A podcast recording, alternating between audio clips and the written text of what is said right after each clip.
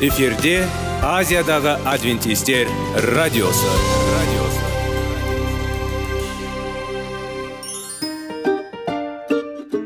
сәлем достар. Денсаулық өмір бұлағы және біздің бірінші байлығымыз демекші денсаулық сағаты рубрикасына қош келдіңіздер. Біздің рубрикада біз әртүрлі факторларменен мәліметтерменен кеңестерменен бөлісіп шын жүректен сіздердің дендеріңіз сау болғанын қалаймыз. Сол үшін біздің рубрикаға қош келдіңіздер. Дайындалып тұрыңыздар. Өйткені келесі минуттарда қызықты фактілерге ие боласыздар. Енді достар ең бірінші байлығымызды қолымызға алып алға кеттік.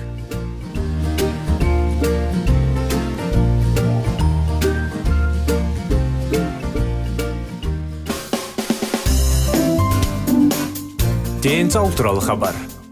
Денсаулықтың ашылуы күн сайын сөз үшін күшті кеңестер соңғы жаңалықтар қызықты факторлар. Біздің рубрикада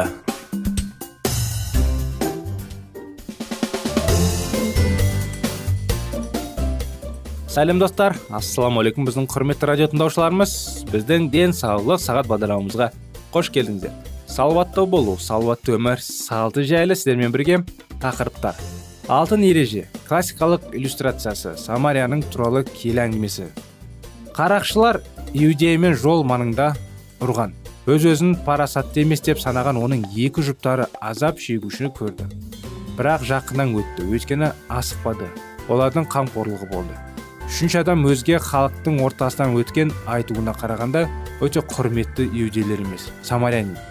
Ол зардап шегушіге көмек көрсетті. Өзін жақын адамдары өзінің ұлттастары көмектеспей басқа біреу бөтенге көмектесті оған ақыл ойға салмай ақ өйткені дәл осындай қарым қатынасты өзіне де тілеген. Сол кезде ол өмір бойы досын алды. Алтын ереже өзара қарым қатынасты құрудағы ең пәрменді қағида. Егер осы баптың өзінде сіз осы ережені түсінуден басқа пайдалы ештеңе шығармаған болсаңыз және біреумен қарым қатынасыңызды жақсарту үшін оны қолдану ниетінен басқа сіздің өміріңіз қаншалықты бай болады. Егер қандай да бір топқа қосылса біреумен тығыз қарым қатынас орнату оңай.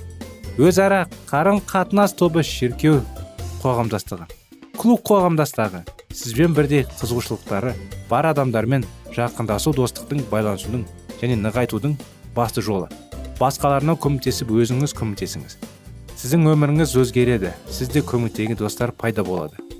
Онымен бірге ортақ нәтиже жасауға ғана емес сонымен қатар сізді қызықтыратын тары бойынша ашық талқылауға болады.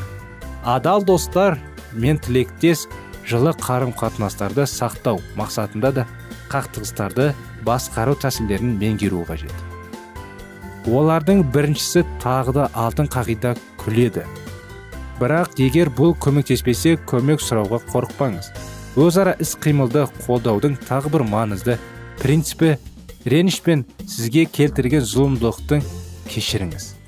Лео бу сканглия өзінің бір бірін қалай сүю керек кітабында қоштасудың рухын жойқын деп таниды.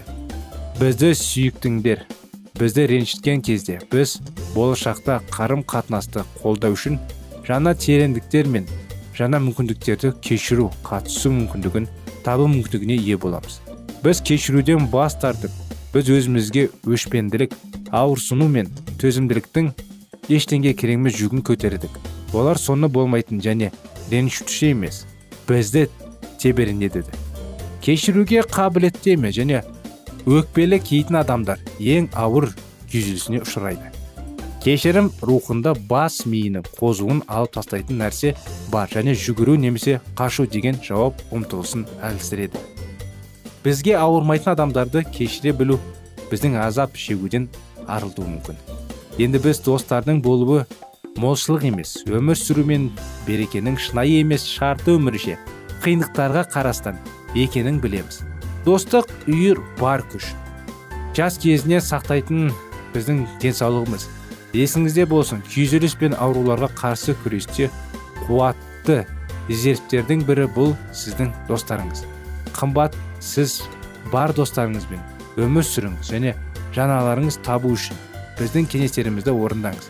Салауатты және бақытты болыңыз. Құдайға сенім бар ғой. Және салауатты өмір салты бар. тоқсаныншы жылдың басында эльмираның павловна хачков сол кезде ол елу жылдан астам болған. Өмірінде оның өмірі ғана емес сондай ақ физикалық денсаулық жағдайында өзгерткен оқиғалар болды. Коммунистер отбасында тәрбиеленген атеист бола тұра. Ол құдай туралы ештеңе білмеген.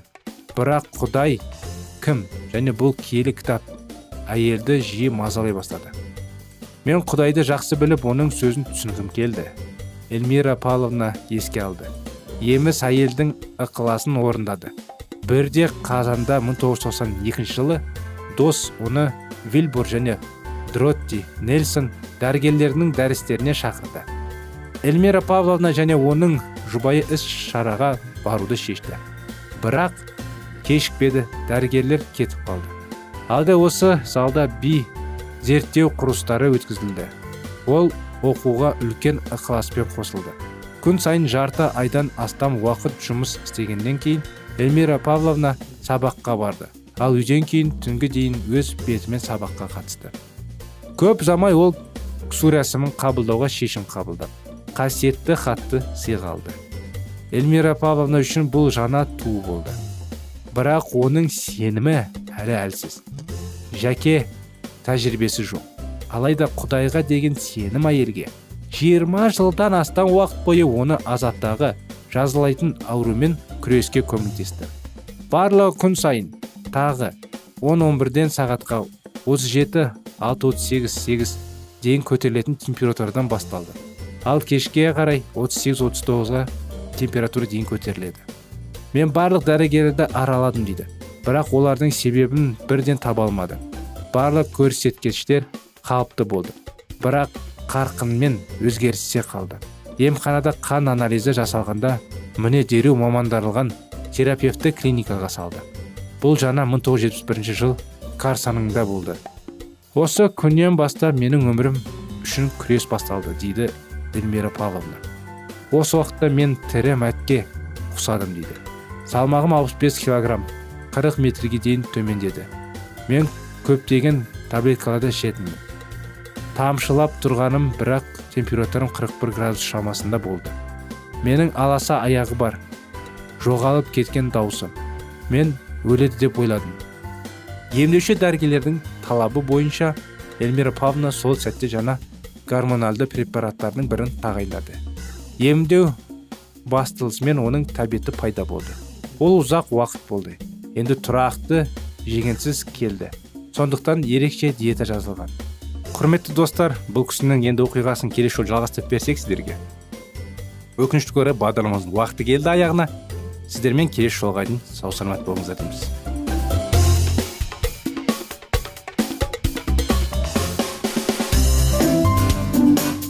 денсаулық туралы хабар денсаулықтың ашылуы күн сайын сөз үшін күшті кеңестер соңғы жаңалықтар қызықты факторлар біздің рубрикада.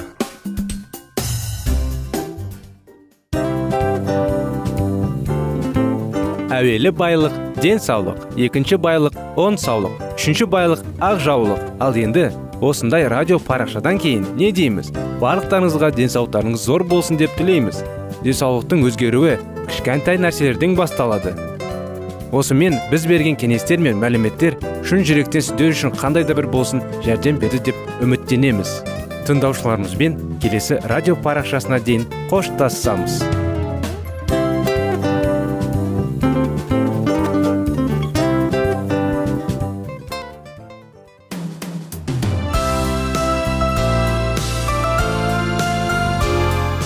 эфирде азиядағы адвентистер радиосы.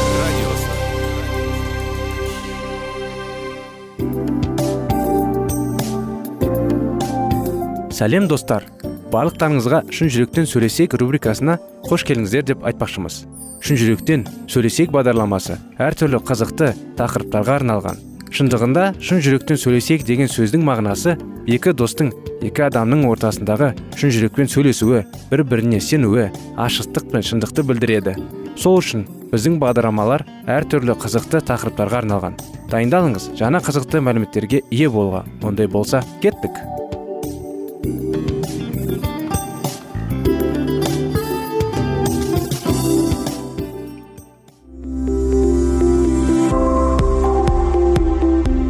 алтын сөздер. Сырласу. Қарым қатынас жайлы кеңестер мен қызықты тақырыптар. Шын жүректен сөйлесейік рубрикасында.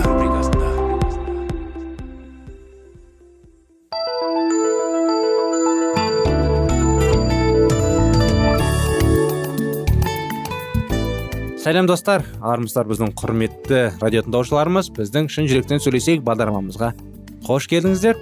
Келіңіздер достар. Шын жүректен сөйлесейік бағдарламасында әрдайым тәрбие жайлы махаббат жайлы сүю жайлы қарым қатынас жайлы тақырыптарды әңгімелеп диалогтар жүргізіп кеңестер алайық. Бұл өте маңызды тақырыптар болады. Қазіргі уақытта сіздердің назарларыңызға баланың жүрегіне бес қадам. Нұсқаулар. Бұл сөздер мақтауға қосылуды үлкен пайда әкеледі. Сіздің балаңыздың бірде бір мейірімді әрекеті назардың тыс қалмауы керек. Мадақтауға қажет. Егер бала бұзықтау болса сіз оны егер ол жақсы нәрсе істесе оны тіпті байқамауыңызға болады. Ал сіз оған жақсы деген не және жаман деген не деп түсіндіруіңіз керек. Онда адамгершілік қағидаттарды тәрбиелеуіңіз керек. Сіз оның тәліміңсіз сіз оған жол көрсетесіз. Балаларға басшылық қажет. Олар айналасындағыларға еліктеп сөйлеуге үйренеді. Сол сияқты бізге қарап олар өзін өзі ұстауға үйренеді. Оларға қоғамдық өмір заңдарын үйрету қажет. Бірінші кезекте бұл міндет ата аналардың иығына жүктеледі. Алайда олар тек балаға рұқсат етілгенін ғана емес ол жоқ екенін оларға да адамгершілік және этикалық принциптерді қалыптастыру керек екенін түсіндіруі тиіс. Балаларға біреулерге бақыт беру керек. Егер ата аналар беделді бола алмаса бала басқа тәлімдерді табады. Еліктеу үшін мұғалімдер құрдастар басқа ересектер үлгі бола алады. Сонымен қатар бүгінгі күні балаларға теледидар үлкен әсер етеді. Мұндай сұраққа жауап беруге тырысыңыз. Менің баламды әрдайым махаббатпен басқалар басқара аламын ба? Сүйетін тәрбиеші ең алдымен қамқорлыққа алынушының міндетісін сақтау тиіс. Ол оған көңіл бөлгісі келмейді. Ол баланың игілігіне қамқорлық жасайды. Ол болашақта оған пайдалы қасиеттерді дамытуға көмектеседі. Тәлімгерлік баланың жүрегіне екінші жолды меңгергендегі маңызды соқпақтарды бірі тараптау марапаттау сөздері екінші махаббат тілінің маңызды элементі. Алайда абай болыңыз. Баланы үйрете отырып дұрыс тонды таңдау маңызды. Дұрыс сөзді. Мысалы әкесі ұлын дұрыс емес қадамнан сақтағысы келсе оған есірткінің зияны туралы айтады. Мұндай әңгіменің нәтижесі оның қалай айтқанына байланысты. Егер ол баланы кессе оның сөздері кері әсер етуі мүмкін. Тәлімірлік тәлімгерлік жақсы кеңестер. Әйтпесе олар тек зиянды. Бір бала мен ата анамға ашуланып айқайлап олар да мен ұра бастайды. Олар мен тыныштықты және қалыпты сөйлесуді талап етеді. Осылай әділетсіз. Неге олар мұны істей алмаса мен тыныш жүруге тиіспін. Бар және басқа да қиындықтар. Көптеген ата аналар тәлімгерлік ең алдымен тыйым салу деп санайды. Олар олармен шектеледі ішпейді. Ал егер ішсе рөлге отырмаса шекпейді. Оны көрме ол есірткі жыландықты асырмаңыз. Барлығы дұрыс бірақ бұл жоқ. Балаға бағдар бола алмайды. Ол олардың мағынасын көре алмайды. Тайымдар қажет бірақ тәрбиелеу тек оларға ғана болмайды. Құдай адам мен хауана берген жазалардың арасында тек бір ғана тыйым салу. Ол оларға не істеу керектігін емес не істеу керектігін айтты. Ол олардың өмірін мағынамен толтырғысы келді. Синайда израиль халқына берілген он өсетті жартысы ғана тыйымдар. Исаның таптық уағызында тыйым мүлдем жоқ. Тыйым салусыз бірақ олар тәлім біреудің аз бөлігі ғана. Жоғары заң әрқашан махаббат заңы болып қалады. Тәрбиеші олардың басшылыққа алу керек. Баланың алдына мақсат қойып оны өзіне тарту керек. Мүмкін сонда ол оны қоршағысы келетін тұзаққа түспейді. Көптеген жастар есірткіні алғаш рет бұзбай көргенін мойындайды. Олар немен айналысатынын білмеді. Сүйетін тәлімгер оның шәкіртіне қызықты екенін біледі. Мұндай тәрбиеші балаларды қолдап олардың мақтап олардың қабілетін толық дамытатындай етіп басқарады. Ата аналар баланың барлық нәрсеге үйрету керек. Қарапайым тәртіп ережелерін сыпайылық және адамдармен қарым қатынас жасаудың күрделі өнерін олар мейірімді кеңестер тәлім тәрбие береді. Бұл жерде махаббат көрінеді. Егер сіз балаға риза болсаңыз да сіз бұл туралы сүйіспеншілікпен айта аласыз. Оған айқалаудың қажеті жоқ. Бұл ешқандай нәтиже бермейді. Сондай ақ оның достарының кемшіліктері туралы түсіну пайдасыз.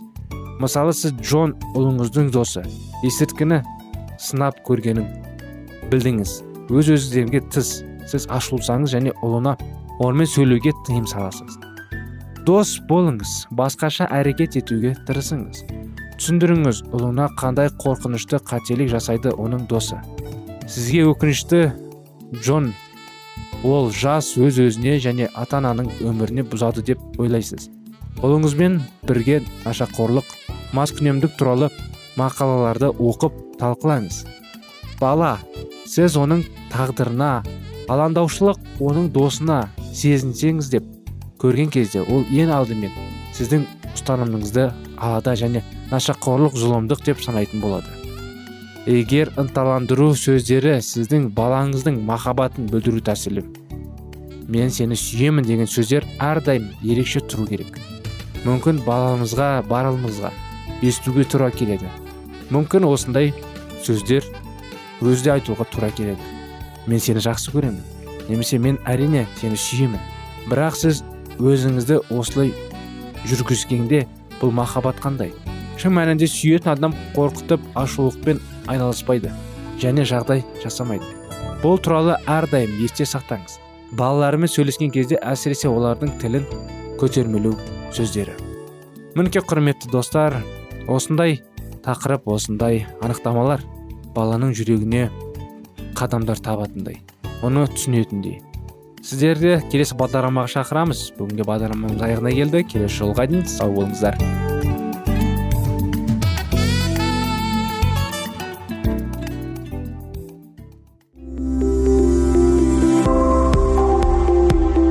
Алтын сөздер. Сырласу. Қарым қатынас жайлы кеңестер мен қызықты тақырыптар. Шын жүректен сөйлесейік рубрикасында.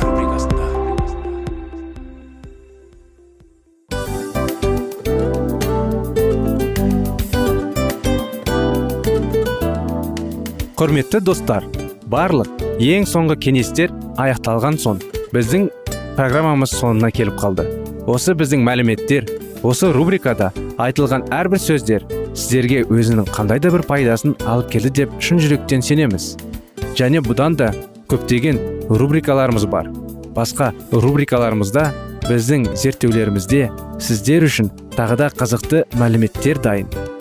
Біздің шын жүректен сөйлесейік парақшамызда көптеген әдістер ең соңғы кеңестер адамның нравственность жақтан моральдық жақтан тазалап байыта тұрған соңғы кеңестердің барлығын жанарады. сондықтан алдыңғы күндерде бізбен бірге болыңыздар. Өйткені барлық қызықтар алдыда. Бізбенен бірге болғандарыңызға үлкен рахмет. Келесі кездескенімізше сау сәлемет болыңыздар.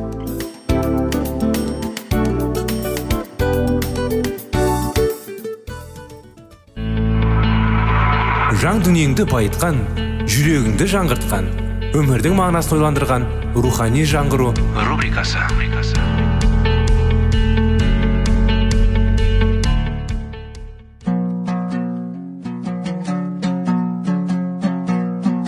Ассалаумағалейкум біздің тыңдаушыларымыз. Келі кітаптың шындығын ашып берген қысқа бағдарламасына қош келдіңіздер. Барлығынан жоғары жаратушы біздің қарыңғылықта жалғыз қалдырып қойған емес.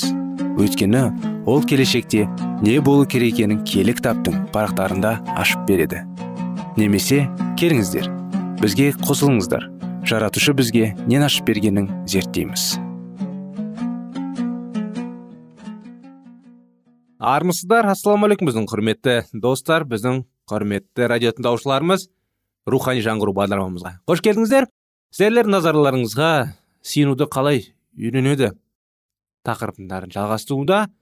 Жанымыз бен тәніміз қандай мұқтаждықта болмасын? Бізге тек өзінің сауықтырушы күшімен күнәнің бүлдіруші уын және оның жан мен тән үшін қауіпті салдарын дереу жоюға дайын тұрған оған назарымызды аударсақ жеткілікті. Сиыну мұнажатта есік қағып тұрған бізбен дастархандас болу үшін және өзінің атын мадақтау үшін ақтап алушыға назарымызды аударады. Науқастарды көз алдымызға елестетейік. Дәрігер оларға қысы жазы күннің астында болуды тағайындайды. Таза ауа мен күн сәулесінің үздіксіз әрекетінен өздері әбден суыққанша осылай істеді. Олардың сауығуы күн сәулесі мен таза ауаның қалай әрекет ететінін білуіне негізделмеген. Сондай ақ ол олардың емделуі кездегі сездеріне немесе сауығуға деген талпыныстарына не дегенімізден да негізделмеген. Керісінше оларға ем ойлары мен еріктерін ширықтырмай өздерін жайбарақат ұстаған кезде жақсы әсер етеді. Сауықтыруды күн жасайды. Науқастар тек таза ауамен күннің астына жиі шығып тұруға тиіс. Мұнажат та дәл осындай қарапайым. Біз күнәнің ықпалына ұрынамыз. Бәріміз өлімге душар науқастарымыз. Бірақ ақталу сыйлайтын күн шықты. Оның сәулесінің аясында жанымыз суықты. Мәңгілік сауығуға ие болу үшін біздің шындықты күнімен кездесіп оның шуығының астында болуды артық ештеңе талап етілмейді. Мұнажат ету бұл жанның мен тәннің мұқтаждықтарын өзінің сауықтырушы күшімен күнәнің індетін жоятын күннің игілікті сәулесінің астына кіруді білдіреді. Мұнажатшыл деген күн сәулесінің емдейтін сауықтары орында болып исаға күдіретті күшімен өз мұқтаждықтарына күні түні әрекет етуіне мүмкіндік беру. Мәсіхші болу осы рақымды күннің астынан орын алуды білдіреді. Құдайдың мінәжатқа қалай жай ғана қарайтынын мысал арқылы көрсеткім келеді. Матай жазған ізгі хабардан тоғызыншы таурауында екінші аятында былай деп айтылған. Сал адамның жақсы достары болды. Олар исаның досына көмектесе алатынын білгендіктен досың иса отырған үйге төсегімен көтеріп әкелді. Бірақ онда жиналған адамдардың көптегені олар үйге кіре алмады. Сонда олар оны шатырдың үстіне алып шықты да шатырды ашып сол адамды дәл исаның алдына түсірді. Достары сол жерде исаның оны дереу сауықтыратын шешуші сөзін айтуын жайбарақат күтіп тұрды. Бірақ таңданыстарына қарай олар басқа шешуді сөзді естіді. Жігерлен балам сенің күнәларың кешірілді. Осылайша бұл жерде иса маңыздарақ деп санаған басқа өтініші болды. Бұл науқастың күнәларының кешірілуі туралы өтініш еді. Бірақ ол адам исаға бір ауыз да сөз айтқан жоқ. Ол өзінің төсегінде тып тыныш жатты. Ол адамның төсегінде қалай тек исаға қарап тыныш жатқанын көз алдына елестетіп көрші. Бірақ иса науқастың жүрегінен шыққан күнәларына кешірім алғысы келетін мінәжатын сөзсіз ақ естіді және ең бірінші осыған жауап берді. Содан соң иса оны тәни дертінен сауықтырып оның екінші мінәжатына да жауап қайырды. Бұл біздің мінәжаттың құпиясына бір шама бойлай енуімізге көмегін тигізеді. Мінәжат дұға сүйіну біздің кез келген сөзімізден гөрі тереңірек енеді. Біз оны сөзге айналдырмастан бұрын ол жүрегімізде болады.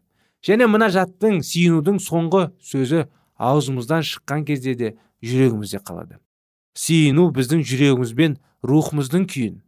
Көрінісі сондай ақ жанның құдайға ұмтылысы ал құдай көкте оны өзіне бағытталған шақыру ретінде қабылдайды. Бұл ұмтылыс сөзбен айтыла ма? Жоқ па? Оның қандай үшін маңызы жоқ? Бұл тек біз үшін ғана маңызды. Құдай дұғаны ретінде қабылдайтын жүректің күйі мен ұмтылысы қандай болу тиіс? Мен екі белгілі атағым келеді. Бірінші дәрменсіздік. Бұл жағдай мінәжат дұғаны етуші жүректің ең бірінші және ең сенімді белгісі екенін күмәнсіз. Менің түсінігімше мына дұғаны өзі дәрменсіздер үшін белгіленген. Олар үшін бұл соңғы мүмкіндік. Біз дұғаның жолын таңдағанда дейін бәрін істеп көруге тырысамыз. Бұл тек құдайға бет бұрадың алдындағы ғана жағдай емес. Бүкіл масықшы ретіндегі өмірімізде мінәжат біздің соңғы мүмкіндігіміз. Иә білемін біз жиі онаша немесе көпшіліктің ортасында жағдайымыздың шарасындағы сезінбей ақ ұнамды мінәжаттар айтамыз. Бірақ бұлардың шынайы мінәжат екеніне мен сенімді емеспін. Мінәжат пен дәрменсіздік бір бірімен тығыз байланысты. Тек өзінің дәрменсіздігі түсінгендер ғана мінәжат ете алады. Тыңда кейде өзін жиі дәрменсіз сезінгенің сондай тіпті не істеріңді білмейсің. Сен тіпті сиыңды да алмайсың.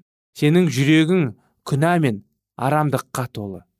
Бар қалауың келі кітап осы дүние деп атайтынның төңірегінде мәңгі және киелі құдайдың саған алыс және жат болып көрінетін сондай. Сен оған мұндай күйінде жақындауды екі есе күнә деп санайсың.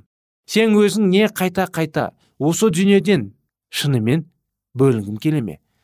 Немқұрайлығым мен жартылай мәсіхші өмір өмірім жүрегімнің түкіріңде менің өзге ештеңе қаламайтынымның салдары емес пе деп сұрайсың адал жан өзінің тау біткен армандығымен осылай күреседі және өзін дәрменсіз сезінетін сондай мінәжатты аузында тұрып қалады достым тыңда сенің дәрменсіздігін сенің ең жақсы мінәжатың ол сенің жүрегіңде құдай жүрегіне сенің барша сөздерің мен жүйелі мінәжаттарына да артық мұның шығады.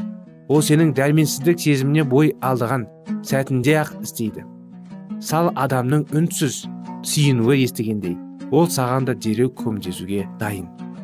Мінекей құрметті радио тыңдаушыларымыз осындай кеңестер бізбен бүгін сіздерді келесі бағдарламаға шақырып бүгінгі бағдарламамыз аяғына келді деп айтқымыз келеді. Келесі жолға дейін сау болыңыздар.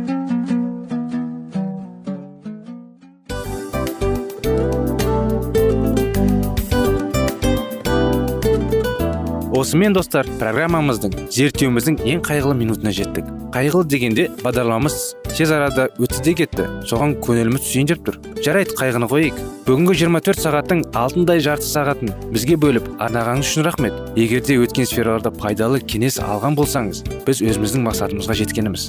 Тыңдаушыларымызбен қоштасу уақыты келді. Келесі кездесулерді сағынышпен күтеміз. Жарты сағатты кездесуіміз көз ашып шапқанша дем арасында өтіп кетті. Бірақ бізде жақсы хабар бар. Келесі зерттеулерімізде сөзсіз кездесеміз. Өйткені көптеген сюрприздер қызықты мәліметтерді және керекті нәрселерді көбін дайындадық. Бүгінгі күндеріңіз өзгеше позитивті болсын. Жақындарыңыз аман есен болсын деп тілейміз. Жаратқан ие барлықтарыңызға батасын берсін. Істеген істеріңіз игілікті болсын. Келесі кездескенше сау саламат болыңыздар. Достар біздің бағдарлама бойынша сұрақтарыңыз болса әрине сіздерге керекті анықтама керек болса біздің whatsapp нөмірімізге хабарлассаңыздар болады. Плюс бір үш жүз бір жеті жүз алпыс алпыс жетпіс. Иә достар сіздер қателеспедіңіздер бұл біздің номерлерге ұқсас болмаса да бұл whatsapp номер арнайы. Хабарласыңыздар сұрақтарыңызды қойып тұрыңыздар. Анықтаманы алып тұрыңыздар. Плюс бір үш жүз бір жеті жүз алпыс алпыс жетпіс whatsapp номері